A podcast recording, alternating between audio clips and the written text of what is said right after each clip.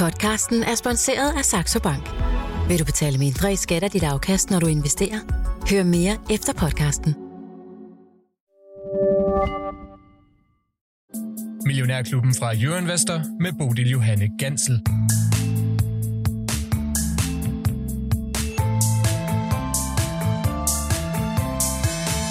Det kan næsten ikke gå galt, hvis du starter med at investere tidligt i livet. Ja, det er selvfølgelig en sandhed med modifikationer, men hvis vi kigger tilbage i historien, ja, så spiller tidsfaktoren altså en ret vigtig rolle for dit investeringsafkast. Velkommen til Millionærklubben her på en mandag, hvor jeg har inviteret to investorer i studiet med tiden foran sig. Begge læser de på CBS, og begge er de en del af læringsmiljøet CBS Trading. Markus Lunding og Frederik Rode, velkommen til jer to. Tusind tak. Mange tak. Vi skal høre lidt om, øh, hvordan I som unge investorer går til lige præcis øh, den opgave, altså at investere. Men øh, først lige, hvad er CBS Trading for en størrelse? Markus? Ja, jamen uh, tak for spørgsmålet. Jamen man kan sige, at CBS Trading det er en studentorganisation, som er drevet af os studerende, blandt andet Frederik og jeg. Uh, og vi, vi startede helt tilbage i, i 2019, uh, hvor vi ligesom godt kunne tænke os, at vi kunne egentlig godt fremme den her interesse, som vi selv havde for, for investeringer. Øhm, og det resulterede så i, at vi ligesom har kørt øh, to forskellige veje. Vi har ligesom den ene vej, som er, vi afholder sådan et årligt event i samarbejde med Saxo, øh, hvor vi får nogle investeringsprofessionelle ud og holder nogle analyser og giver dem nogle redskaber til, til de studerende. Øhm, og så sideløbende med det, der holder vi også nogle oplæg og nogle events med nogle øh, relevante speakers, her blandt også dig og, øh, og, og, og nogle andre, øh, med de emner, som vi mener ligesom er, er interessant. Så det kan være sådan et rigtig bredt øh, spektrum inden for, for investeringsverdenen, så at sige. Men det er altså kun for studerende ude på CBS. Er det jeres indtryk af interessen for investering er stor? Jeg ved godt, interessen for business er stor derude. Det er jo det, man lærer. Men sådan lige frem med aktie- og øh, måske obligationsinvestering, er interessen er stor for det? Ja, altså mm. det, det kan jeg sige uden nogen forbehold. Der, interessen er massiv, og mm. det er også det, som øh, Markus nævner. Vi har det her CBS øh, Trading Academy, hvor at vi igennem 5-6 workshops med nogle af de ypperste fra Saxo af, øh, uddanner og tager øh, motiverede unge, der sender en ansøgning ind, øh, og gennem seks workshops lærer dem og øh, på en eller anden måde at investere helt fra bunden af. Mm. Og det er fordi, at vi kan mærke, at der både på et øh, fra nybegynderniveau, men også for nogen, der har fulgt med i, i flere år, måske endda siden gymnasietiden, er en kæmpe efterspørgsel på at komme i gang med at investere og også få nogle redskaber til, hvordan de kan blive endnu bedre. Og Frederik, det er måske dig, der har skaffet den uh, kontakt ud til Saxo. Du er jo faktisk studenter med hjælp lige er, præcis ud i Saxo. Så jeg arbejder også allerede i, i branchen. Du arbejder med private equity. Uh, ja, inden, Frederik, hvad, ja. hvad, hvad er det for noget? Bare lige ganske kort. Jamen altså, man kan sige, uh, private equity, det er lidt det modsatte af børsnoterede aktier. Det er, hvad kan man sige, virksomheder, som ikke er børsnoteret, altså bliver handlet på, på det private marked. Øhm, og det er jo også klart det, som udgør størstedelen af alle de virksomheder, vi faktisk har i hele verden. Øhm, så det er selvfølgelig lidt et andet spektrum, mm. øhm, men også i hvert fald noget, som, som jeg synes også er, er super interessant. Og så har jeg altså øh, en de, været en del af CBS Trading siden øh, 2019, men hvornår startede jeres egen interesse for investering egentlig? Jamen altså, fra mit perspektiv, der startede den faktisk, øh, jeg tror allerede som, øh, som 13-årig. Øh, fordi at altså... Ja, det er men, øh, tidligt. Det er meget tidligt, mm. og det er selvfølgelig også forskelligt, hvornår man begynder at interessere sig for det. Men øh, jeg fulgte meget med øh, i diverse medier og så videre, og så øh, for mig var det finanssektoren, der trak, og, øh, og derfra øh, lidt vi hen til aktier. Og så tror jeg også, jeg var øh, privilegeret at komme fra et miljø, hvor at det var helt normalt i gymnasiepausen at diskutere, når har I set, hvad der er sket med Tesla, Novo eller, eller alle de andre store. Så øhm, på den måde så øh, jeg startede, øh, startede jeg tidligt og kom selv i gang og ja, brændte mig lidt, men øh, var jeg også heldig fra start af. Så man skal brænde sig lidt i starten, så har man ikke lært nok. Men var det også mor og far derhjemme, der på en eller anden måde øh, sat fokus på, at det kunne være godt at starte? Jeg vil sige, at øh, når man er under 18, så foregår det på den måde, at der skal indhentes nogle fuldmagter. Mm. Så på, på den side, ja, de var selvfølgelig med ind over. Der, min mor var, var flink til lige at godkende min NemID, før jeg skulle lægge en, øh, de første par ordre. Øh, men øh, ret hurtigt så var det noget, der, der kom på eget initiativ. Men, men jo, det, det, det, det kom selvfølgelig fra et sted. Mm. Markus, hvad med dig? Hvornår startede du? Jamen, øh, jeg må også indrømme, jeg er nok lidt i den samme båd som, som, øh, som Frederik. Øh, jeg fik min, øh, min første Novo-aktie til min øh, konfirmation øh, af min far. Øh, der kan man så undre sig lidt over, om det er noget, måske har fortrudt nu. øh, men, men det var i hvert fald noget, som, som for mit vedkommende også øh, kickstartede, øh, ligesom at sige karriere, men i hvert fald min, øh, min interesse Øhm, og så begyndte jeg jo også stille og roligt at, at, at følge med og læse mere op på det, og, og fandt ud af, at det var sgu da meget fedt, man kunne tjene nogle penge på det her, og det var også egentlig meget interessant at følge med. Hvad er det, der foregår derude? Øh, følge det her lidt med. Man, man, man ejer jo en, en, en del af en virksomhed, når man, øh, når man køber en aktie, mm. altså, så, så det var i hvert fald noget, som jeg synes var, var mega interessant. Så to ægte aktienørder her i studiet i dag, og det er altså det smukkeste emblem, man kan få sat på sig her i vores program, Millionærklubben. Og en ja. erfaren herre, selvfølgelig også Lars Svendsen. Ja. Godmorgen og velkommen til dig ja, også. godmorgen. Hvor, lang, hvor længe aktie endnu? Det, ja, det, det, er noget, jeg, det er noget, jeg er stadig glad for i hvert fald. Den, du har haft den i 10 år? Ja. Jamen, så har du lavet en ørn, jo. Ja, ja. Det, det, er, det, det, det er jeg glad for. Nej, ja, det er fint. Godt, Nå, men Lars jeg, ja, undskyld. Ja. Jamen, det gør ikke noget. Nej, nej. Hvor lang tid er det egentlig, du har været i markedet, her Svendsen? Ja, altså, jeg købte jo min første aktie i 1975, da jeg var 19 år. Jeg skulle lige, jeg var ikke, jeg var ikke født med en sølvske i munden, så jeg skulle lige tjene pengene først, og øh, altså, det var jo ikke ret meget, og de grinede også nede i, i sparkassen. Jeg har siddet her og og rydde op i nogle gamle papirer, og øh, jeg har ikke den nota, men øh, det var DFDS, for ikke skal være løgn, men øh, som jeg havde analyseret meget grundigt, og, og teamforbruget passede jo overhovedet ikke til, hvad der kom ud af det og sådan noget, men og så måtte jeg jo have en boks, så jeg havde jeg skal i boksen ligesom fru Mø, og vi lagde den ned og sådan noget. Ja, men det er men, skønt at tænke tilbage Ja, ja, ja, men altså, det, var, det var der, og så øh, bagefter, men dengang i 70'erne var der jo ingen mennesker, øh, der interesserede sig, heller ikke øh, nærmest voksne for, for aktiemarkedet og, og finansmarkedet, og værdipapirmarkedet var jo 85 procent, 80-85 procent obligationer og 15 procent aktier. Ja. Så det var, det var helt, helt anderledes øh, verden øh, end, end, end, end den, vi har i dag. Og hvis jeg så kom til at sige til nogen, jamen jeg har du nogensinde overvejet at købe aktier i, jeg havde på det tidspunkt, det var simpelthen Korn- og Fodstofkompaniet, var noget, der hed, det som en dag hedder Biomare, øh, øh, under skov, så, så, så, så glod de sådan på en som om, sådan, skal du ikke ud i lørdag aften? Sådan noget. Nej. Jeg skal analysere aktier. Ah, men jeg, Lars Svendsen, herligt. Vi er glade for, at du ja. holdt ved. Uh, al ja, den ja. erfaring, den har vi glæde af på ja, næsten ja. daglig basis her i studiet, så tak for det. Uh, Lars Svendsen, lad os prøve Nå. at kigge lidt ud. Ja, der, ja. der er sådan to verdensbegivenheder, har jeg lyst til at sige, der, jeg synes, der sådan er vigtige at tage op her til morgen. Den ene er de tre amerikanske soldater, der desværre mistede livet i Jordan her i weekenden. Der var en hel del flere, der blev såret, og det hvide hus, de er altså allerede, ja, de var ret hurtigt ude at sige, at de vil selvfølgelig finde de ansvarlige, og militæranalytikere har også sagt, at de forventer en, en hård respons på lige præcis det, der er sket. Altså, øh, ja. det er jo altså en... Øh, smeltedil, der er ved at koge over. Ja, Lars skal, vi, ja. skal vi være bange for det på aktiemarkedet?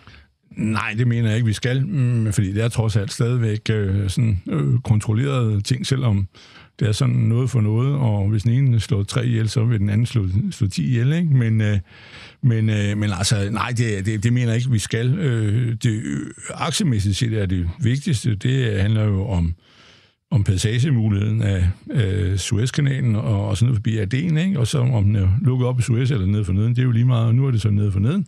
Men øh, det har vi ikke prøvet før, og i øvrigt så har jeg engang lavet mig til for sømænd. Jeg er jo sådan lidt en, jeg er jo søfartsbog og så videre. Og det der sted dernede, det kan man få ved Aden, det kan man få verdens røvhul. Og okay. nu er det jo så, øh, så det altså i sømandssprog, men øh, har jeg hørt, men øh, jeg har jo ikke selv været forbi. Men, øh, men øh, på et skib også. Men, øh, men øh, øh at, øh, nej, det handler dels om det, og så, øh, og, og så, så relateret til det her med olieprisen. Hvad med den? Vi havde forleden en, en klog lytter, der spurgte, hvorfor stiger olien ikke? Og mm. det måtte jeg sige til ham, ja, jeg forstår det sådan set heller ikke. Og jeg mener, at olien skal op, og den tøffer sådan set også op, og nu er vi nået 80 dollar. Og det er sådan set der, at det, øh, det begynder at slæbe lidt, og så er alle deres inflationsneddæmpning øh, kan jo så få et problem der, når den kører op af. Og forskellen mellem, skal man hæfte ved, mellem øh, øh amerikansk olie, West Texas og, og, og, og den her brintolien, den er 5,5 dollar. Det er altså meget normalt, er den kun øh, halvanden til to. Ja. Og nogle gange er, er, er, kan den også gå den forkerte vej. Men, Hvad er det et signal for så? Jamen, det, er jo et signal for, at der er problemer med, med let olie, og, og fordi der er meget mere benzin øh, og, og i, i, øh, i, i Nordsjøolie, end der er i amerikansk øh, oliekvaliteten, og det er sådan kvalitetsstandarder, ikke? Så, så, så det er udtryk for det, og, og Europa har et problem. Ikke? Og jeg, hvis nogen har lyst til, må jeg godt fortælle et par, par små ting, fordi det er meget interessant. I kan selv gå ind og se den på øh, tk.com. Øh, så gå ned under tankers, kan I se, der kommer sådan en rapport hver måned. Og den var her i for en, øh, knap en uge siden øh, om tankmarkedet. Og han kom så, så når I når frem til et punkt, hvor han viser noget om, hvor mange skibe, der sejler igennem det, så stopper I bare lige i filmen der. Så kan I sidde og kigge lidt på på kurven, men der går cirka 25 tankskib igennem store, og det er ikke den der lige en, som Puk Damsgaard var ude på havnerundfart forleden dag, og se på, der ikke lavet noget andet end at reparere sin egen motor. Det er Ikke den rigtige tankskib. Og der går cirka 25 i 23 øh, hver dag igennem. Og, og så flowet, det er, så, det, det er meget morsomt. Sidste år, der var der, hvad hedder det, sydgående 3,7 millioner tønder, og nordgående 3,0 millioner tønder. Og altså, man sejler begge veje, men, men sydgående, der er 70 procent har kommet fra Rusland, og så skal det så til Indien og, og Kina primært. Og så den anden vej, der er det mest, øh, øh hvad hedder det, diesel og øh, jetfuel, og også noget benzin, man sejler. Og det er jo der, hvor også Torm, og du kan se, der stiger Torm. Jeg har så Torm, skal jeg sige, men ikke så mange tilbage, jeg har snart solgt dem alle sammen. Men, og det sidste skal vi snart sige farvel til, men, men, øh, men de der radar på de der kale der, de store af dem, LR2 hedder de, 110.000 tons, de er oppe på mellem 70 og 100.000 dollar i døgnet. Aha. Det er mange penge. Det må man sige. Øh, og øh, når, når de er dårlige, så ligger sådan en fyr jo nede på, på 25.000 dollar, så det, kan det stadigvæk løbe rundt, men altså, øh, det er, det, så det er jo altså deroppe, hvor altså, de sidder bare og, og siger, hvor, hvad står der egentlig på kontoen, siger han bare. Kaching no, lyder det hos uh, Tom. Okay, cool. Nej, men, men det, det er altså lidt absurd, det der. Og det der flow, det er jo nu gået i udo. Ja. Og så må du ligesom tøffe udenom. Der er jo ikke nogen, der har lyst til at, at futte olie af for øh, et par hundrede millioner kroner, fordi en anden mand løber rundt med et, et missil på, på skulderen. Nej, det lyder lidt skørt. Nå, Nå Lars Svendsen, den anden øh, store verdensnyhed, øh, jeg ved ikke, om jeg kan ja. kalde det sådan, men det handler altså om Evergrande, det store kinesiske øh, ejendomsselskab, som har ja. modtaget likvidationspåbud fra en retsinstans i Hongkong, og det er jo altså der, at selskabet er noteret. Aktien den faldt øh, først 21 procent, og så blev den altså suspenderet, men det ser nu alligevel ikke ud som, at øh, de øvrige kineseraktier er så bange for den nyhed. Måske har vi bare Nej. regnet med, at det var det, der ville ske. Ja, det har jo været længe undervejs, ikke? Og så er det, det er jo mere der, hvor, hvor, hvor, hvor, hvor hårdt går de til den. Øh, og, øh, og så, øh, så vidt jeg forstod, havde den en gæld på 2.100 milliarder danske kroner i svar til nationalprodukt i Danmark med offentlig sektor, ikke? Mm. men øh, uden moms. Men øh, men øh, at, at, at, så, så det er jo et, et ordentligt hug, og så er det jo... Men der må man sige, det er jo nogle gange galt, det er jo, hvis der kommer sådan en, en dominoeffekt, hvor, hvor de så skal ud og tvangssælge det, og så øh, falder olie, eller, eller ejendomspriserne, så ligesom en vælter den anden, og så får bankerne tab. Men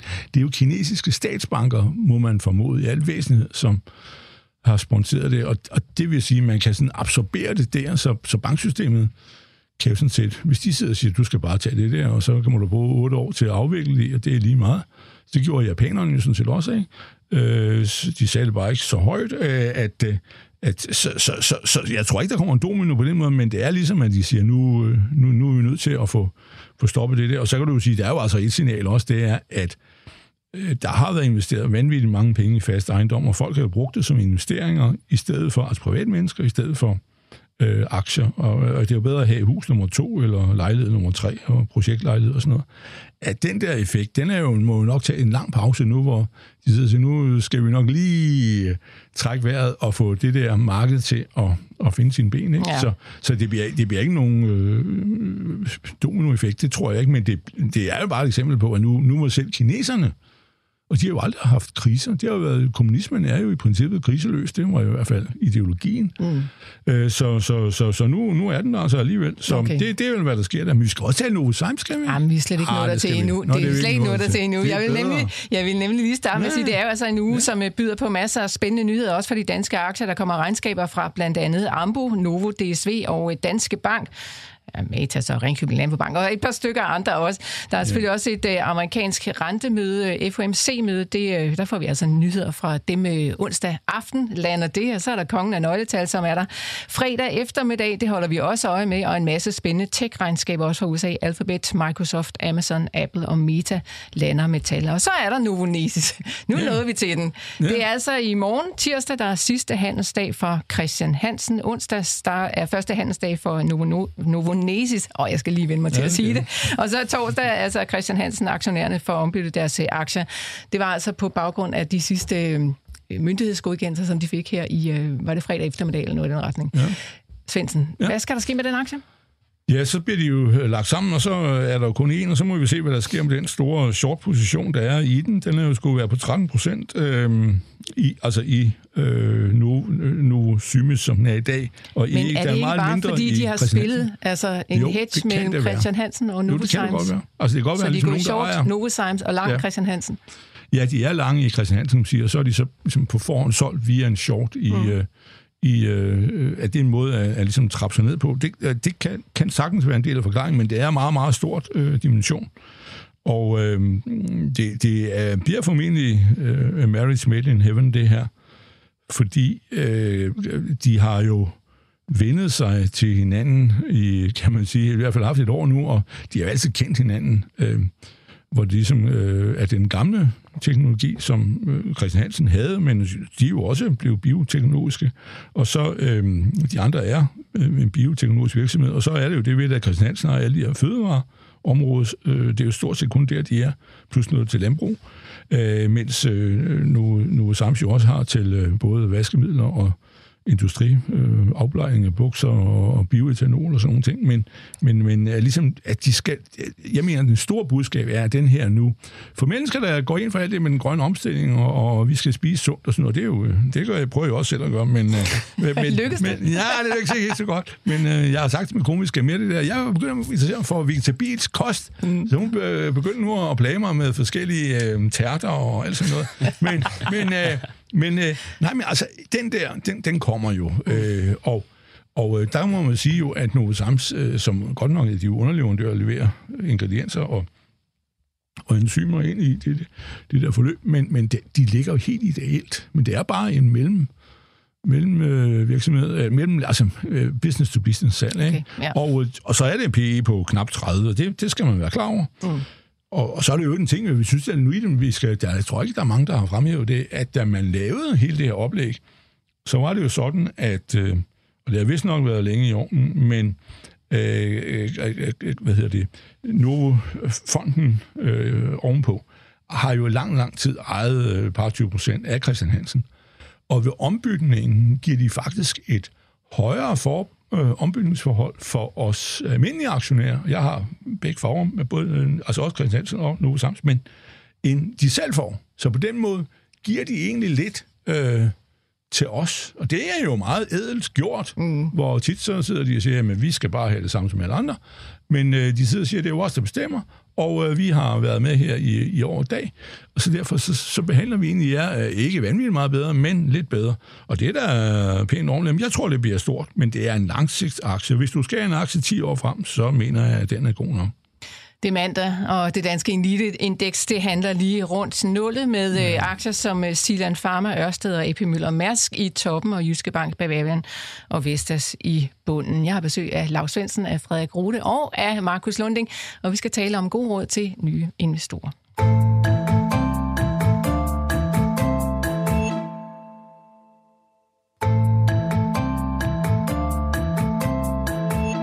Efter sine så kaldt Albert Einstein renters rente for verdens 8. vidunder og tilføjet, at den, der forstår det, kan tjene godt, mens den, der ikke forstår det, betaler.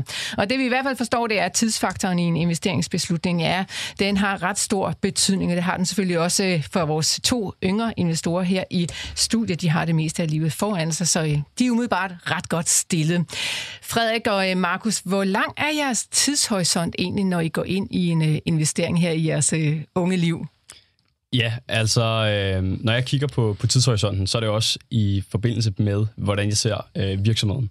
Så hvis jeg tænker, at det er fordi, der skal ske noget med et kommende regnskab, nu får vi alle de store tech-regnskaber den her uge, øh, så hvis jeg handler på baggrund af et regnskab, så vil jeg formodentlig have ret kort, øh, en ret kort tidshorisont. Men når vi ser på de her grundlæggende, fundamentale investeringer, øh, så har jeg et rigtig lang, tids, øh, rigtig lang tidshorisont gerne op mod 10 år, hvis ikke længere. Øhm, vi kan jo se, at dem, der var store for 10 år siden, mange af dem er blevet endnu større i dag. Øhm, så jeg, jeg er ikke bange for at have en rigtig, rigtig lang tidshorisont. Og for en grundlæggende portefølje, så kan den sagtens være endnu længere end 10 år. Men Markus, øh, nu er jo, øh, jeg har nævnt det et par gange, I er jo unge. Ja. Øh, men det betyder også, at I sikkert også skal ud og etablere jer sådan på den lidt korte bane. Der skal sikkert købes noget hus og nogle fede biler og hvad ved jeg. Mm. Alt det der, som man gerne vil have, når man er ung. På den anden side, så er der jo også meget lang tidshorisont til, I skal på pension. Hvad sigter du egentlig efter? Altså, hvornår, ved du, hvornår du skal bruge dine penge, Mm. og investerer du efter det? Jeg tror, øh, jeg hører måske til en af dem, som er lidt mindre risikovillig, øh, når, man, når man ligesom øh, taler omkring investering. Øh, og også apropos øh, nogle af mine, mine første aktier, som jeg købte, det er, det er også nogle af de aktier, som jeg stadig holder øh, den dag i dag. Øh, så, så, og igen, øh, i forlængelse af Frederik, det her med, med tidshorisont, altså jeg ser, når jeg kører ind og køber en aktie, så ser jeg det som noget, jeg, jeg holder i, skal jeg til at sige resten af livet, men i hvert fald noget, som, som har en rigtig, rigtig lang tidshorisont. Øhm, og der kan man så sige, i forhold til det her med, med, med lejlighed og så videre, det er jo så bare at rykke sine penge rundt, øhm, og så investerer man i noget andet, så det er ikke fordi, man, man så kommer helt ud af, af, af det game. Øhm, men når jeg ligesom går ind og kigger på, på, på nogle aktier, så, så er det altså med henblik på, at jeg skal holde dem over en lang tidshorisont. Okay, øh. så det er investering, det er la- det, I laver, men jeg øh, stopper lige ved det, fordi at de kalder jo det her læringsmiljø ude på CBS for CBS Trading, og for os der er der lidt forskel på det der med at være trader og at være investor. Er der også øh, det for dig, Frederik? Ja, men jeg tror ikke, man skal være bange for at, at kombinere de to, fordi at øh, hvis man alene er investor, så er det jo rigtig fint, og man kan måske også øh, lade være med at skille så meget til regnskaber og øh, hvordan det, det aktuelt ser ud og har set ud det seneste halve år. Der er måske mere den grundlæggende case, man skal investere ind på. Men jeg tror, at hvis man, hvis man også øh, gerne vil, og ikke er bange for, på at se, om man kan nå nogle ekstra procenter og slå indeksene, så tror jeg også, at man øh, ikke skal være bleg for at kigge ind i, hvordan den aktuelle situation ser ud lige nu. Okay. Og det er måske også der, hvor vi tillader os også at kalde os øh, trader, men øh, vi fagner bredt. Vi øh, ser os som både investorer og trader. Okay. Mm. Øh, lad mig også bare lige slå fast, at der er jo altså ikke penge i spil i CBS Training. Det er et, øh, et læringsmiljø, og jeg har ikke sådan en øh, modelportefølje, som nogle af de andre lignende grupper rundt omkring i Danmark mm. ellers har. Er det rigtigt forstået? Ja, det, Okay. det er korrekt. Ja. ja. Skal der penge på bordet på et tidspunkt? Jamen, det er da, det er da helt sikkert den, den, den, den nu skal jeg til at sige langsigtet strategi, mm. men øh, jamen, det er da helt sikkert noget, vi forventer, at, øh, at vi skal i gang med, med, med en portefølje. Øh, kunne også være spændende, jeg tænker også for, både for lytterne, men også for, for de studerende på CBS, ligesom at følge med i, hvad er det, der sker. Helt sikkert. og også for os selv. Så det er helt sikkert noget, som, som, som vi i hvert fald har i, i pipeline. Må, må jeg give jer lige et godt råd? Vi har prøvet øh, sådan nogle lidt, som jeg engang før, det ikke for at være Ja. ja. en sur gammel mand, men, men, men hvad hedder det? A, a, a, hvis I skal gøre det der, og, og I er jo også flere end jeg to, men så prøv at lade være med at lave sådan noget gruppepis. Altså, tag og sige, jamen okay, vi har det her, så, så viser I, hvis I vil.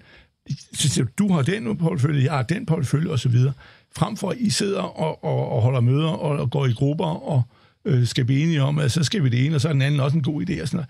Altså noget, det egner det sig ikke til. Mm. Altså, øh, så heller det andet, og så, så kan man diskutere og sige, men ja, den der, nå, har du det? Og så øh, kan I sidde og diskutere på den måde. Altså, lad være med at lave alt det der gruppe fis. I skal diskutere det, øh, og så videre, men kom med hver ting, og så lad være med at lave en og sige, nu putter vi alle sammen penge sammen, så har vi 700.000, og der er kommet, jeg ved ikke, hvor mange er, øh, og så investerer vi dem, og så, det bliver aldrig til noget. Så diskussionen er god, Lars Svendsen, men beslutningen skal være diktatorisk, havde jeg sagt. Nej, men så hver har sin, ikke? Og så sige, det, det er sådan, jeg laver boller med kaj, og så siger du, jamen, det jeg laver boller og kaj med det. Jeg putter mm. paprika i stedet for. Meget enig. Øh, jamen, jeg- sådan, sådan tror jeg, skal gøre, fordi vi har faktisk prøvet det. Kan jeg ikke huske, vi havde når nogen øh, Vi havde det juniorboard. De kørte jo træt i det der. Mm.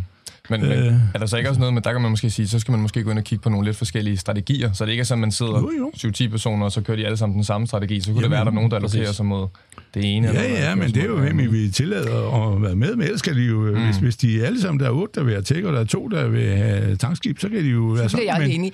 Hvor mange, hvor nej, mange, nej, de hvor mange deltager I det, egentlig i. CBS Trading? Jamen altså på øh, det, der hedder vores CBS Trading Academy, hvor vi kommer ind og underviser nogen, der søger om at blive øh, kommet med, der ligger vi mellem 60 og 100 deltagere mm. øh, en gang om året. Øh, internt i CBS Trading, altså også der er frivillige, der bruger lidt mere tid på det, øh, der er vi 20, der er aktivt deltagere. Og er der lige mange mænd og kvinder? Ej, der er nok en, øh, en svag overrepræsentation af mænd. Det, det kan man nok ikke løbe fra. Ja. Øh, selv blandt de unge, der er der nok en, øh, stadig en overrepræsentation, der, der nok præger hele branchen. Men, har I øh, nogen øh, idé om, hvorfor det er sådan? Fordi det undrer mig, at det bliver ved med at være sådan. Jeg tænker, de nye generationer må da ændre på det der. Altså, jeg vil faktisk sige, at jeg oplever, nu ved jeg godt, at når vi taler om, at der selvfølgelig ikke er den her det helt diversitet endnu, øh, men jeg vil sige, at jeg oplever klart en stigende tendens, også ude på studiemiljøet, i forhold til nogle af de oplæg, vi også har haft, med at der faktisk Mhm. kommer en del og del, altså flere og flere piger, Ja. eller kvinder, eller hvordan man nu skal sige. Øh, men man kan selvfølgelig godt se, nu havde vi blandt andet et, øh, et event med, med, med BlackRock, som er verdens største asset manager, øh, og, og der kunne man godt se, der var det selvfølgelig drengene, øh, Mhm. eller mændene, som... Hvorfor som, siger du selvfølgelig til det? Jamen, det er måske også selvfølgelig, er måske også så meget sagt, men jeg tror bare, at, ja. at når man går helt tilbage, så er det måske lidt bare der, at den, at der er måske bare lidt en højere interesse hos drengene, altså, eller hos mændene. Øhm, og det kan man jo sige, det kan man jo skylde på, på mange forskellige ting. Mm. Men, men det er i hvert fald, hvad jeg sådan primært er det, som jeg oplever. Altså, Nå, det, det er stadigvæk lidt en uh, mandebranche, vi bevæger os i her, og jeg har altså også kun mænd i studiet her i dag, så ja, det, det, må vi, det må vi leve med.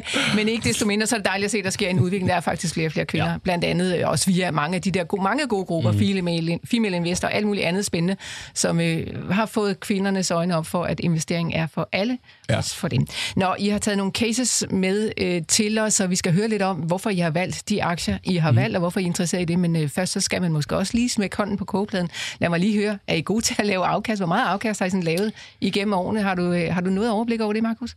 Ja, jamen, øh, jamen det har jeg da. Øh, altså jeg vil sige, mit, øh, altså mit afkast ligger der nu også, øh, nu går noget tid tilbage, øh, men det der i hvert fald op i, på, på, på de fleste aktier, der, der er det to cifre afkast. Øh, og på nogle enkelte aktier, som, også, som vi kom ind på lidt tid, tidligere, der, øh, der kan man snige sig op på på et, øh, på et fint 60 Øh, ja, det lyder jo meget godt, men det der ja. tocifrede, det er lidt svært at vurdere, hvis vi ja. går tilbage. Men sådan, er du bedre end øh, det generelle marked, end indeksene? Er du bedre til at skabe Jamen, afkast? altså, der må jeg også faktisk være ærlig indenom. Øh, og det er jo også noget, som jeg ligesom har fundet ud af. Øh, det er jeg ikke. Nej. øh, det, må jeg være, det må jeg blankt erkende. Altså, jeg har ligesom... Øh, også, også med tiden fundet ud af, at, at jeg har simpelthen svært ved, ved at slå markedet. Mm-hmm. Altså, det, det, det har jeg, og det tror jeg også bare lidt, når man kommer ind, øh, kan lige så godt være helt ærlig at sige, altså det, det, det er noget, som jeg har, har, altså har prøvet at gjort mig i, og det er også lykkedes med, med, med rigtig mange og super fine afkast. Men når man ligesom tager det over den her tidsperiode, og når man så op, eller hvad kan man sige, opholder det mod, mod for eksempel et benchmark som altså SP 500, som det amerikanske aktieindeks, øh, der er det bare noget, som er svært at slå. Altså, det er bare nogle vilde afkast, man ser. Og, og der tror jeg også bare, at øh, jeg har ligesom valgt at sige, ah, det, det, det er måske ikke lige det, jeg går efter. Øh, så jeg finder mig sådan ganske tilfreds i, at jeg også øh, prøver at vælge nogle af de lidt mere brede indeksfonde. Øh, blandt andet også nogle af de, de lidt mere kendte ETF'er, øh, som er i hvert fald også noget, som jeg allokerer mig i. Øh, sideløbende med, at jeg selvfølgelig også investerer i aktier, øh, så man ligesom får sådan lidt bredere diversitet i, i porteføljen. Dejligt, at du er ærlig. Det, det synes ja. jeg sådan set er bemærkelsesværdigt fedt. Øh, men altså, det handler jo om, at man går efter absolut afkast eller, eller relativt afkast. Og, altså, for at sige livet, jeg tror helt ærligt, langt de fleste investorer, de er altså ikke gode til at slå indeks. Det må man bare ligesom øh, tage med sig. Og så er der nogen professionelle, og nogen, der gør det dag ud og dag ind, og ikke bestiller mm. andet, som måske kan, kan gøre det. Men øh, for alle os andre, så skal man jo bare være glad for, hvad skal man sige, det mål, man selv har sat sig. Ja, mm. jamen enig, enig. Frederik, hvad med dig? Er du øh, bedre end uh, indeksene? Ja. Øh, det er jo god diversitet, ja, der lige... Det, det er god diversitet. Ja, altså, der, der, der, er jo nogen, der skal opveje det, når du nedvejer det. Nej, øh, øh, jeg, har, jeg har været heldig at ramme nogle, nogle ret gode nogle de sidste par år. Mm. Øh, så, så sidste år var jeg heldig at lave ja, 37 procent, og, øh, og over tre år i periode, der ligger på 185 procent. Så på den måde, der har jeg været heldig at slå det de sidste, ja faktisk nærmest øh, siden jeg startede. Øh, jeg tror i hvert fald siden jeg var 15, jeg har slået det øh, hvert år. Så, så på den måde, at det, det er jo forskelligt, og det har også noget at gøre med ens risikoprofil. Øh, og også noget, hvad man investerer i. Men altså, det ved jeg ikke. Med Stine, jeg selv øh, de sidste år begynder at interessere mig mere for obligationer. Så hvis du begynder at tælle dem med, så er det klart, så vil det jo nedveje ens afkast. Mm. Men omvendt, så øh, tror jeg også, at det er jo, hvis du ser det som et alternativ til kontanter, så er det jo pludselig rigtig interessant. Mm, okay. mm, du bliver en, en gammel mand meget tidligt. uh, obligationer, du, det er noget lort, du skal holde langt med. Det, det er noget, man låner. Må jeg lige spørge om noget, når vi er i gang med det spørgsmål her? Ja. Det har jeg stået og luret på. Uh, tager I nogle gode studielån og investerer? Jeg har, jeg har afholdt mig for, for studielån. Det må være ærlig om. Det, det er ikke noget, jeg har Hvad gjort med dig? Nej, jeg, øh, jeg, jeg, jeg, det, nej, det gør jeg ikke. Det gør jeg ikke. No. De er alt for mange penge, de unge mennesker, Lars Du tjener for godt. Det er afkast, afkast gør for det. Ja, lige præcis. Cool. Lars Svendsen, øh, kender ja. du dit afkast på tre års sigt? På tre års sigt? Mm, har du slået benchmark, eller har du ikke slået benchmark? Jeg tror, jeg er rekordskatteyder hjemme på vejen i dag, i år i hvert fald. Øh, men for alt det der aktieafkast, eller pælskat, og nu skal jeg så betale i den første skal man betale den der Jamen, det, var slet ikke, det var slet ikke det, jeg spurgte om. Jamen, det er den måde, jeg måler det på. Øh, men hvad hedder, jamen, øh, det har jo været aldeles glimrende. Ja. Øh, og de, som gider at kigge på det, kan kigge på, hvad det har i, i verdensfirmaet, kan I jo se det. Men, Svendsen og Tudborg ja, det? Ja, ja, der kan I jo se det på forsiden. Men øh, om det, jeg har, ligner det jo i, i voldsom grad. Jeg har bare nogle flere rædderier, så skulle det jo nok lidt til, den gode side. Ikke? Mm. Men nej, ved du hvad, jeg går ikke op, og, og jeg vil sige på jeg går jo på, på det absolute afkast. Mm Fordi hvis du går på relativ afkast, så skal du jo også ligesom tænke hele tiden, så skal jeg jo også, egentlig burde jeg så købe gennemsnittet. Og jeg vil aldrig i mit liv købe gennemsnittet. Nej, det tror så, jeg så derfor, så, øh, og det er jo IT og alt det der, øh, så, så hvad hedder det, jamen, sådan øh, opfatter jeg det slet ikke. Ja, men det er jo gået meget godt. I hvert fald øh, særligt i det meget, meget svære år 2022, hvor du øh, altså... Ja, der var det også meget godt, men, øh, men, men jeg skal, så skal jeg jo bare sige, at jeg har jo på den måde jo været heldig, at, at, at fordi jeg har så mange rædderier og sådan nogle ting, som er, øh, som er rigtige ting, som dur, så øh, har jeg jo været heldig, at det er kørt den vej, selvom øh, IT-aktierne er oppe. Ikke? Jeg har det jo mere modsatte. Jeg sidder og, og tager mig til hovedet over, at alle de der medløbere på det der IT-felt, de sidder og tjener store penge og store i slaget og alt muligt andet, Mosk og dem alle sammen, øh, og sidder og siger, ja, ja, easy come, easy go, ikke? Øh, men, øh, men det er ikke easy goet endnu, men det kommer jo nok. Ja. Så, så hvad hedder det? Nej, men sådan, sådan, øh, jeg mener, man skal kigge på det rigtige afkast, og så skal du også, det er det, I sikkert er ved at lære af, det der med, at når man selv har pengene på bordet, jeg har ikke i mit liv mødt mennesker, der har siddet på en trone inde i en bank eller hos en porteføljemanager og har været ufattelig dygtige øh, til det, uden at de selv har lært det på deres egne penge mens de var unge, og det er jo så heldigvis små beløb og så videre, ikke? og du, du har allerede tjent store penge, selvom du var 15. Så det kan da blive til noget, men, men øh, når du rigtig får lært, så,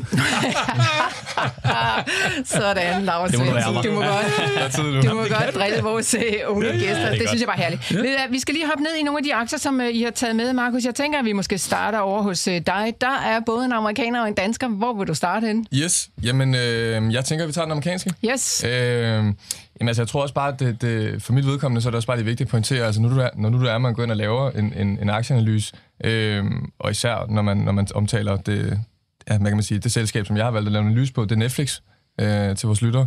Øh, men der er det altså vigtigt, at man også lige går ind og, og forholder sig objektivt. Altså man ligesom prøver at tage, tage, tage noget af den her bias ligesom fra, hvis man selv har lyst til at gå ind og lave en analyse. Øh, og det kan selvfølgelig godt være svært, altså man måske har en eller anden opfattelse af, at Netflix laver nogle, nogle dårlige serier, eller omvendt, eller de laver nogle gode serier. Men at ligesom sørge for at adskille den her bias, man har, og så, så gå lidt mere objektivt til værks. Altså hvad er det faktuelle, man kan se? Øh, og det er også en, en af de approaches, som, som, som vi i hvert fald også gør os i. Øh, men man kan sige, Netflix, øh, PT verdens største streamingtjeneste. Øh, 260 millioner brugere. Øh, 44 gange Danmarks befolkning, lige til, lige til den sjove ende. Øh, det er altså nogen, en, en, en kæmpe virksomhed, øh, som jeg i hvert fald har set mig langt på. Øh, de har jo været helt nede og skrabe tilbage i, øh, i, i, i midt 22, øh, var nede og ramme i, i kurs 175. Øh, og det var jo på baggrund af, at de havde leveret ligesom øh, to kvartaler, hvor der var faldende brugere. Øh, og det er jo selvfølgelig også noget, som, som man som investor sidder og undrer sig over. Øh, men, men, men pt. ser vi altså en, en, en kurs, som bliver handlet i, øh, i 573 øh, dollars.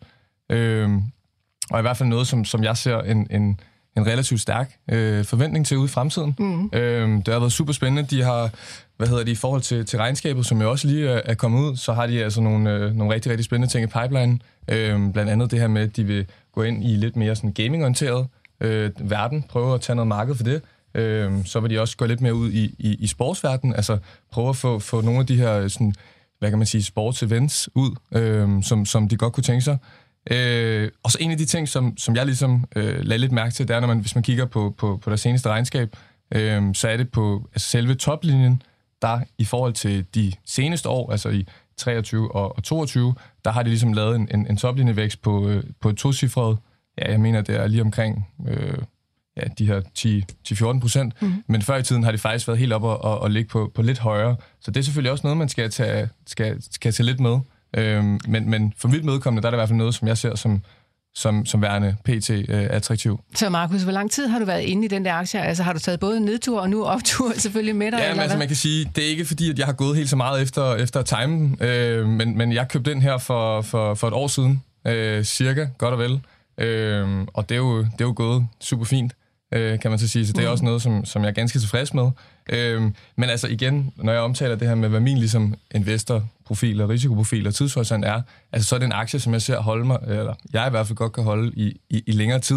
Det til trods for, at du jo alligevel selv begynder at stille en lille bitte spørgsmål øh, ved, om øh, de sådan kan blive ved med at vækste med de der meget flotte øh, rater. På et eller andet tidspunkt, så øh, vokser træerne vel ikke længere. Altså, så er langt til himlen stadigvæk. Ja, men, men der er det jo så, at, at når vi ligesom er inde i den her digitale øh, medier, stream, øh, industri. Altså, det er simpelthen en industri, som er så kæmpe, kæmpe i, i, i vækst lige pt. Mm. Øh, vi ser den også forventeligt øh, have en øh, dobbelt, eller hvad kan man sige, en tocifret vækst hen imod øh, 2030. Så det vil sige, at de ligger altså mellem en, på en vækst mellem 15 og 25 procent, altså selve industrien på, på global plan. Så jeg vil sige, det her med, at man ligesom kan, kan forudse eller kigge på, jamen, altså, er det noget, som vi, vi altså, er det noget, som, som stadig kan eskalere, øh, så er det i hvert fald noget, som jeg ser værende en, en, en attraktiv mulighed øh, stadig. Arbejder du med sådan noget som kursmål, sådan så du ligesom tænker, hvis den er op der og der, så skipper den simpelthen af? Altså jeg vil faktisk sige, lige i forhold til sådan med, med, med kursmål, der er det ikke rigtig noget, som, som, øh, som jeg går mig i. Øh, jeg går lidt mere ind og kigger på, på nogle af de fundamentale tal, altså går lidt mere ind og ser på, når, også i, apropos relation til, til forrige regnskab her, når man, altså, hvordan er det egentlig, de har klaret sig? Øhm, og der ser jeg jo det her med, når vi kigger på, på og især lidt under corona, der, der er der altså nogen, som, som har haft øh, lidt nogle investorer på nakken, som også har været inde og påvirke aktiekursen, men, men i og med her med deres seneste regnskab, også på bundlinjen, altså leverer nogle, nogle ganske, ganske fine resultater, så, så er det simpelthen noget, som, som jeg tænker, det, det er en fed mulighed, en okay. attraktiv mulighed. Netflix ligger altså i uh, din portefølje, Markus. Uh, Frederik, øh, du har valgt nogle andre aktier. Ja, vi skal høre også, hvad det er, den danske aktie, men vi vender lige tilbage til dig. Fordi Frederik, du skal også lige have lov til at fortælle nogen, uh, noget om de aktier, du har valgt. En, en irsk og en tysk.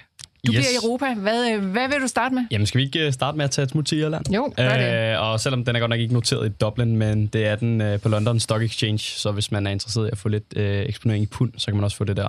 Øh, og det virksomheden, det drejer sig om, det er CRH, altså Cement Roadstone Holding. Og det er en, øh, en irsk byggevirksomhed, der er øh, distribuerer byggematerialer øh, samt... Øh, cement, kalk og, og de her andre sådan noget præfabrikeret øh, beton og, og lignende asfaltprodukter. Så der er vi inde og kigge på noget infrastruktur, og der er det jo rigtig vigtigt at være opmærksom på, øh, hvordan rentemiljøet det, det forholder sig. Fordi de her store investeringer i infrastruktur, det er nogen, der er, fu- er fuldstændig, der er ekstremt afhængige af rentemiljøet. På nær, når det er politisk, øh, politisk bundet. Og med et år, hvor halvdelen af verdens befolkning skal til valg, så kan det være rigtig, rigtig interessant at se, mod dem, der lover nye motorveje og, og, brede, og store brede broer, fordi at øh, der vil øh, CRH virkelig kunne, øh, kunne trække på det her. Det er selv en virksomhed, jeg har været med i de sidste halvandet år, og hvis man er inde og kigge på kursen, kan man også se, at den har været øh, meget kontinuitivt stigende, og nogen vil måske sige, har den nået sin top. Jeg tror godt, den kan stige yderligere, og, øh, men man skal selvfølgelig være, være opmærksom på, at man køber ikke, øh, man køber ikke ind på tilbud. Men om at jeg ville også være mere bange for at købe på, øh, kø, gribe en faldende kniv, som vi, som vi kalder det, mm. end at øh, købe for dyrt. Øhm, fordi jeg tror grundlæggende på, at det er en god, sund virksomhed med godt nok kun moderate øh, fremtidsudsigter. Jeg tror ikke, det er en, man skal regne med kommer til at lave en, en 300 procent over de næste fem år. Men jeg tror, at den her vil kunne tage nogle rigtig gode hop, og særligt hvis der lige bliver lovet en, en bro øh, eller, eller en ny motorvej. Men, fordi det helt store marked, det er bare øh, Europa og, og USA. Okay. Men altså, man skal måske være opmærksom på, at øh, med en, øh, en Trump, der laver America First, der kan en europæisk byggevirksomhed altså godt slå sig på det. Okay, så ja. altså, øh, gode muligheder ser du, men altså også nogle risikomomenter, som man skal være øh, opmærksom på. CRH1 er tickerkoden, og den handler altså, som du siger, i, øh, i London. Hvordan fik du blik for den her aktie, Frederik? Jeg ja. tror aldrig, vi har snakket om den i miljøen. Nej, nej, det er også en lidt sjov approach, fordi når jeg, øh, når jeg udvælger min aktie, så bruger jeg også typisk øh, sådan en klassisk... Øh, hvad hedder, øh, ja, altså man, øh, man starter ligesom fra toppen og starter mm-hmm. med at sige, okay, hvad vil jeg gerne hen mod? Jeg, jeg var opmærksom på, at jeg personligt i min egen portefølje manglede noget eksponering i byggebranchen. Jeg synes, det var svært at finde noget, hvor jeg lige tænkte, okay, det skal være den her. Øhm, og samtidig fordi, at der også er noget øh, miljø, man lige skal være opmærksom på i forhold til, kan de blive ramt af nogle hårde miljøregulativer eller sådan noget. Så jeg vil også gerne øh, bevæge mig lidt ud for Skandinavien. Øhm, og der øh, slog det mig, at Irland med den yngste befolkning i Europa, samtidig med at have den laveste selskabsskat, var et land, som jeg egentlig godt kunne tænke mig at, at bevæge mig i. Vi har også set nogle enorme vækstrater i Irland, og det er jo også noget, der smitter af på, øh, på et firma, der opererer både rigtig meget i Irland, men også i, i resten af Europa. Og så, øh, så, så stødte jeg egentlig på den her, og, øh, og, og siden det har jeg været, været rigtig glad for den, og den har en, en fin PE på omkring 15 halvdelen af ja, ja. Novonesis eller Christian Hansen, som vi kiggede på mm-hmm. før. Øh, Så, så, så derfor var det egentlig min approach til, til CRH.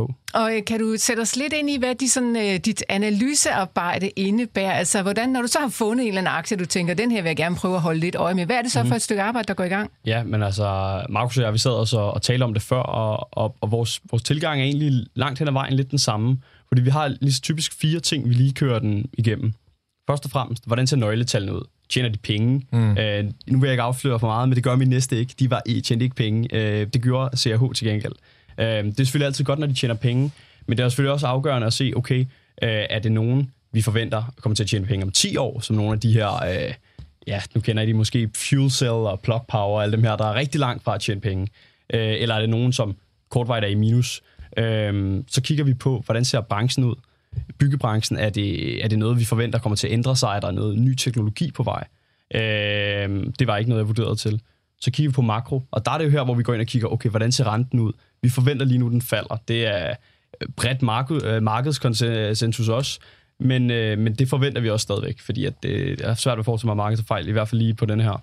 Og så kigger vi så mod fremtidig vækst. Og der, måske, øh, der ser H måske ikke den, den allerbedste, fordi jeg ser den ikke lave, en, øh, den opfinder ikke ny teknologi, den har ikke et helt nyt marked, den på den måde er på vej ind i. Ikke i hvert fald at det, som jeg har kunne, kunne læse mig frem til.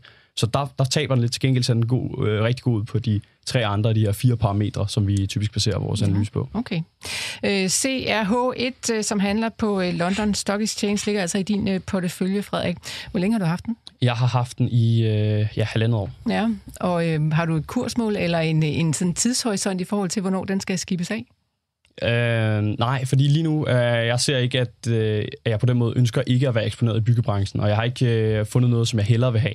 Mm. Øh, hvis jeg tager sælger fra her, så det, vil det være for at og, og ligesom jævne min portefølje ud, hvis jeg ikke ønsker at have for meget eksponering i det. Okay. Markus, tilbage til dig ja. og øh, din danske aktie, som jo er regnskabsaktuel i denne uge, der lander regnskab på fredag fra Danske Bank. Præcis, den har du i din øh, portefølje. Hvad, øh, hvorfor har du valgt den? Ja, man kan sige, at øh, Danske Bank var for mig øh, også en af de aktier, som, som passede godt til, til min portefølje. Øh, en, en, en uh, sikker folkeaktie. Nu skal man selvfølgelig passe på, hvad man siger efter, efter hvidværdskalaen, men, men i hvert fald en aktie, som uh, efter mine sådan, parametre, og også efter det, som vi, mm. vi talte om, mm. var, var noget, som, uh, som, som jeg godt kunne se mig selv i. Uh, det er en aktie, som, som jeg har ligget lang i helt tilbage til, åh, der skal vi tilbage under corona, Øh, og det er apropos, det er faktisk lidt en sjov historie, øh, det her med, øh, som du også talte om før, med, med at gribe en faldende kniv. Øh, jeg vurderede på, på daværende tidspunkt øh, af, af Danske Bank, da den øh, blev handlet i kurs 121, at det var en, øh, ja, efter min mening, en, en, en god... Øh, et godt tilbud hen, et scoop. sige. Et scoop. øhm, og, og det er jo sådan noget, som den ryger ned i, i 111, og jeg, der vurderer jeg igen, at det, nu, nu, nu er den der. Jeg får lov, til, får lov til at købe op en pæn portion. Øhm, og den er altså helt ned at ramme øh, 89 øh, før, før den ligesom vender. Ja, hvem får du lov til? Er de mor, eller hvem? Ja, nej, det, det er så mig selv, der ligesom... øh, men, men, men, og jeg får lov til at købe op der på vej ned øh, en fire gange. Øh, men, og der tror jeg også, jeg står et eller andet sted og, og, og tænker på et eller andet tidspunkt, okay, altså, skal jeg sælge det her, eller hvad, hvad, hvad, hvad sker der? Øh, men, men jeg holdt jo ligesom fast i min, i min strategi, øh, og det er jo så også noget, som, som man kan se nu også det afkastmæssigt. Øh, Danske Bank bliver, bliver handlet pt. til omkring 100-190 stykker. Øhm, så, mm. så også noget, som, som, som jo også er super fint. Øhm, men, men tilbage til, til, hvad jeg ligesom har set for, for Danske Bank. Øhm, der er du, apropos øh, makroøkonomi, renter. Øh, hvem er det, der tjener penge i sådan et miljø her? Det gør bankerne.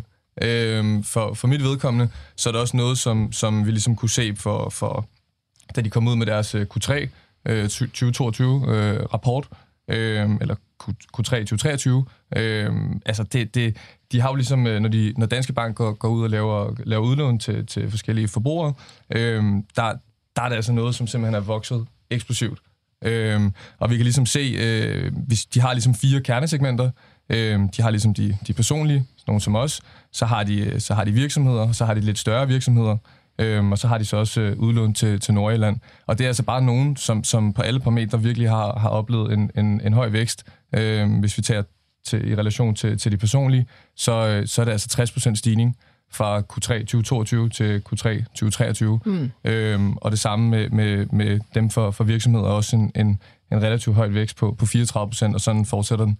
Øhm, så jeg tror i hvert fald også, hvis man måske er lidt mere på, på den korte bane, øh, og, og måske også især op her til, til regnskabet på, på den 2. februar, at, at Danske banker er altså nogen, som, øh, som kommer til at levere et, øh, et rigtig positivt øh, Q23 øh, regnskab. Og nu var det jo et ret godt år for bankerne 2023. Det er der vist ikke nogen, der er i tvivl om, hvis man følger bare en lille bitte smule med. Men ikke desto mindre, så kigger vi måske ind i et år, som sikkert også bliver okay for bankerne, men ikke helt lige så godt. Er det noget, der kan bekymre dig også, når vi ser på den her rentekurve, der er øh, formentlig Øh, altså, vi skal renterne lidt nedad, i hvert fald her i 24 mm. forventes det. Ja, ja, det er jo det, man, man, man går og taler om, at, at det forventer man. Øhm, men jeg tror stadig, pt, at, at renterne er, er sat så ledes, at, at det, det er altså stadig et marked, hvor, hvor bankerne de skovler penge ind. Øhm, så, så for mit vedkommende, der, der er det i hvert fald en aktie, som, som, som er langt fra, fra færdig. Mm. Frederik, du har en kommentar, Kasper? Ja, altså jeg, er, jeg, jeg er grundlæggende helt enig, og jeg tror også, at hvis man ønsker måske at hedge en portefølje, der er lidt rentefølsom, så kan man med fordel tage eksempelvis Danske Bank ind. Øh, da de har jo en super god sund kerneforretning, de har tjent rigtig godt tidligere, øh, hvilket man alt andet lige må formode, der ligger noget, noget kapital, der, der, der vil tillade nogle investeringer. Samtidig så tror jeg også, at man skal ikke øh, på den måde være bange for, at de her banker, de vil, øh, selv de danske, der langt hen ad vejen har en sund kerneforretning, vil stadig komme til at tjene penge. Og nu ser vi også, at der begynder at ske nogle ting, i hvert fald i nogle andre af de europæiske lande, hvor vi har den her lidt, øh, altså de her stigende lønninger. Og hvilken betydning får det for renten? Fordi at øh, enten så, øh, hvad hedder det, så falder, eller så stiger reallønnen alene, men hvis vi samtidig begynder også at se lidt inflation som resultat af de her lønstigninger, så er det ikke sikkert, at renten øh, skal så hurtigt ned, som vi alle sammen er blevet enige om, den skal. Mm. Og så kan den altså tage nogle ret hurtige hikes. Mm. Så jeg, øh, jeg, jeg holder også selv øje med Danske Bank, uden dog at have den i porteføljen. Men ja. nu er banker jo sådan en, øh, en proxy for, hvordan det går i økonomien, og øh, det kunne være sjovt lige at høre jer, fordi der har været rigtig meget snak om recession, og det kan godt være, at det forstår mig lidt. Der er ikke så mange, der er bange for, at der kommer recession, men på en eller anden måde ligger det og lurer en lille bitte smule derude. Vi har vel ikke sådan helt lukket den dør for alvor. Hvad tænker I? Er I nervøse for, at der kommer recession sådan lidt ud i fremtiden?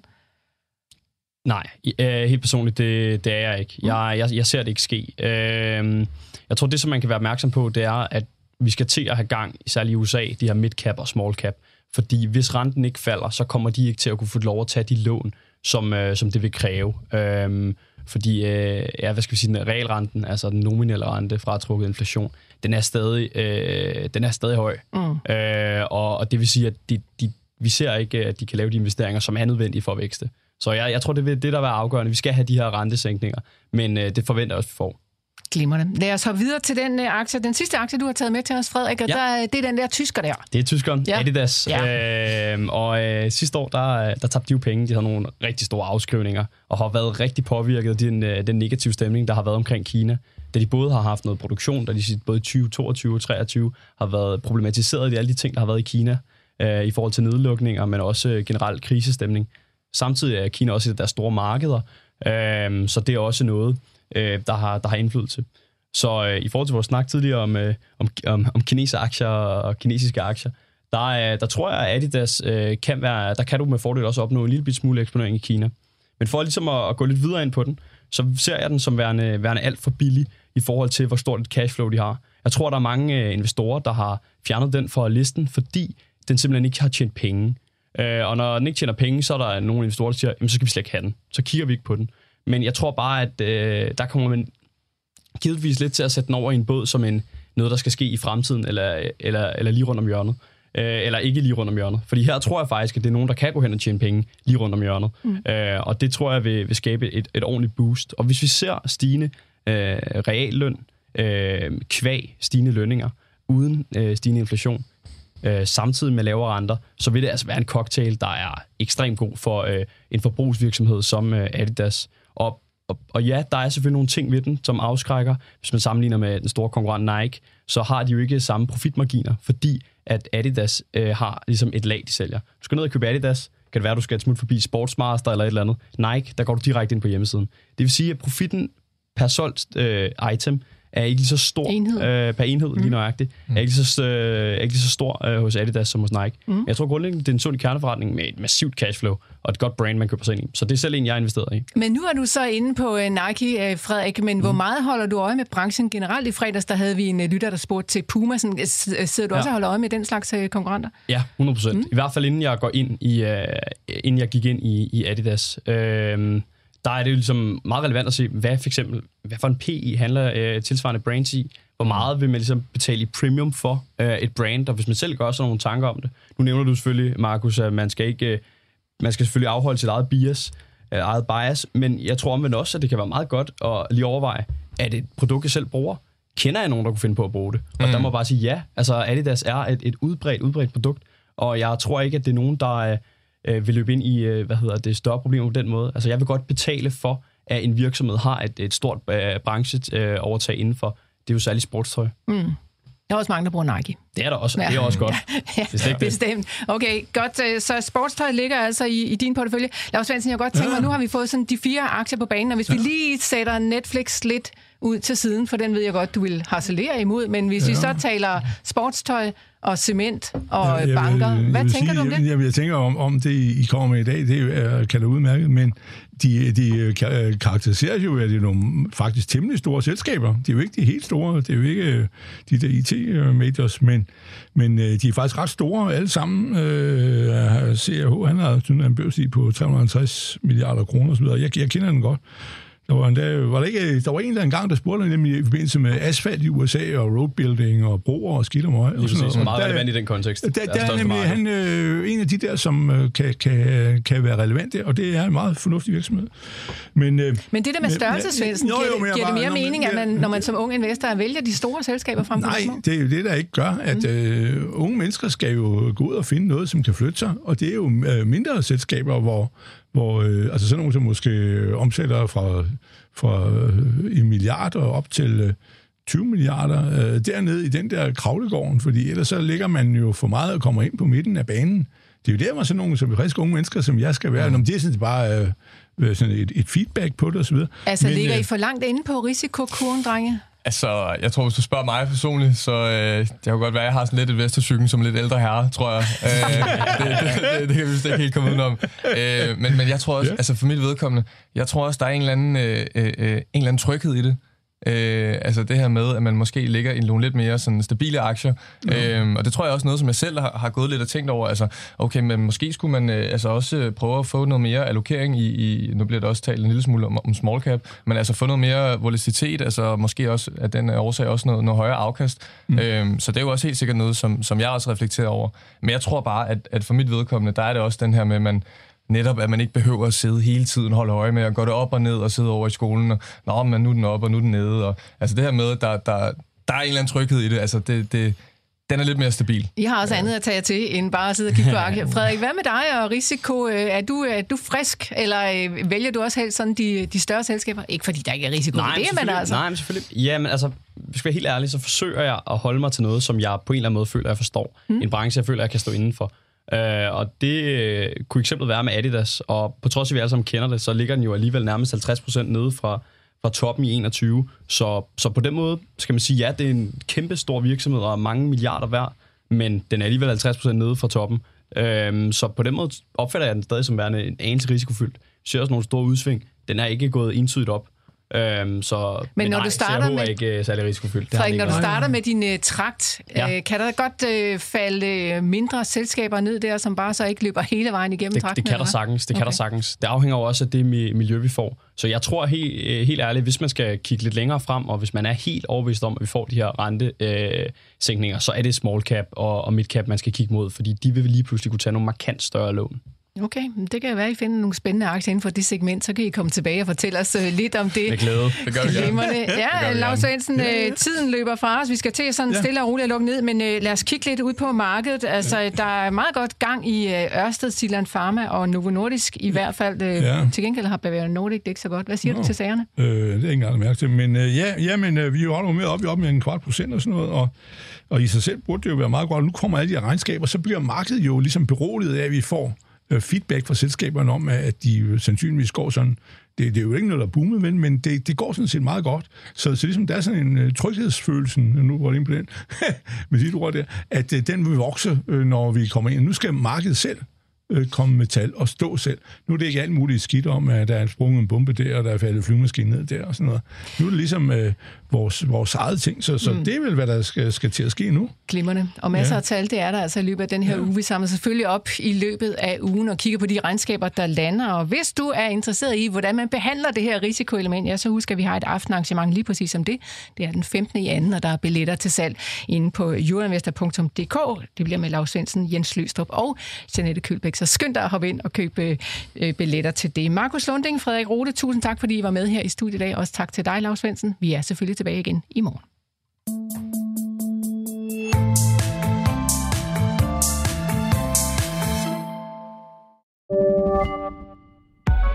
Millionærklubben var sponsoreret af Saxo Bank. Det behøver bestemt ikke at være svært at komme i gang med at investere. Faktisk kan du med en månedsopsparing hos Saxo investere et fast beløb hver måned helt automatisk. Læs mere om fordelene ved en månedsopsparing på saxobank.dk.